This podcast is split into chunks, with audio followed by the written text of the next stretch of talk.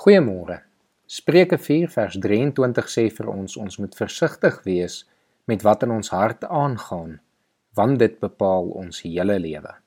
Ongelukkig kan ons hart ons dikwels mislei en partykeer is dit baie moeilik om eerlik met jouself te wees.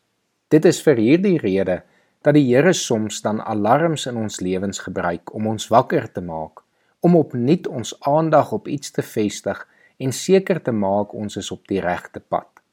Om wel by verandering uit te kom, is dit egter nodig om met jouself eerlik te wees. Hoekom gaan daar nou 'n alarm in my lewe af? Wat wil hierdie alarm vir my sê of waarop wil dit my aandag vestig? Om vanoggend jou so klein bietjie te help om te verstaan waarvan ek praat, deel ek graag my eie alarms wat die laaste paar maande by my afgegaan het met jou. Soos meeste van julle wat luister weet, is ek al vir die laaste 2 maande kort kort siekerig met sinus of allergie of 'n keelinfeksie of wat ook al. Maar elke keer sê ek vir myself, dit is nie so ernstig nie en ek gaan net aan. Hierdie week het die alarm so egter so klein bietjie harder begin skree na ek Sondagoggend wakker geword het met 'n baie slegte maagvirus. Vir die eerste keer in my bediening het dit gelei tot 'n onvermydelike afstel van 'n erediens. Nietemin teen maandag aand oortuig ek myself ek is oukei okay, en ek gaan weer aan net om dinsdagoggend wakker te word met 'n seer keel. Ek wou nie erken my liggaam is besig om alarm te maak dat iets fout is nie. Ek wil aangaan met my lewe en my werk doen en die lewe vol aanpak. Maar kry ek hiermee saam in die laaste paar dae meer as 5 oproepe van mense wat almal vir my presies dieselfde sê. Is dit nie tyd om dinge 'n bietjie rustiger te vat nie? En uiteindelik gaan die lig op en ek besef miskien het ek te veel probeer doen in die laaste ruk en is dit tyd dat ook ek net eers my liggaam kans gee om te rus en te herstel.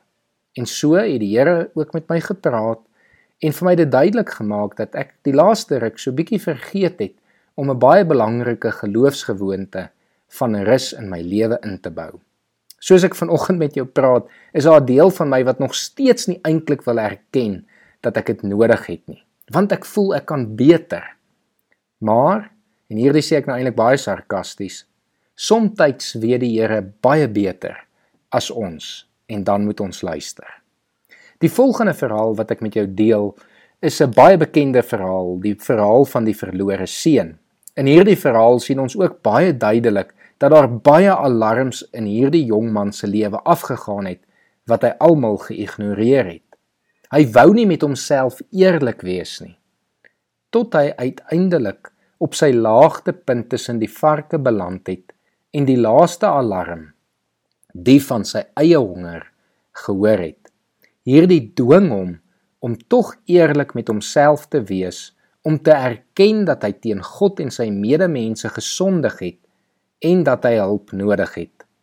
Hoor wat sê hy in Lukas 15 vers 17. Toe kom hy tot inkeer en sê: My pa het wie weet hoeveel dagloners en hulle almal het oorgenoeg kos en hier vergaan ek van die honger. Ek sal dadelik na my pa toe teruggaan en vir hom sê: Pa, ek het teen God en teen Pa gesondig.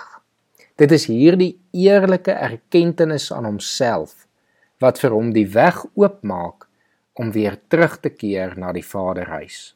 En daarom wil ek jou vandag weer nooi om na jy geluister het, eerlik met jouself te gaan wees, te vra wat is dit wat jy tans ignoreer of vermy? Watter alarms wil jy nie na luister nie? En bid dan rustig daaroor en vra die Here dat hy jou sal help om vanoggend eerlik met jouself te wees sodat jy jou lewe volgens God se wil kan leef. Kom ons bid saam. Here, dankie dat ons vanoggend kan weet U weet beter. Here, dankie dat ons altyd deur U gelei word, Here, en dat selfs die kere wanneer ons nie met onsself eerlik wil wees nie, U tog dinge so bewerk dat ons op die ouende wel sal luister.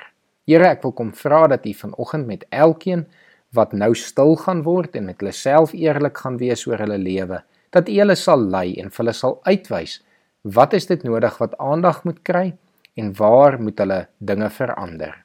Ons bid dit in Jesus se naam alleen. Amen.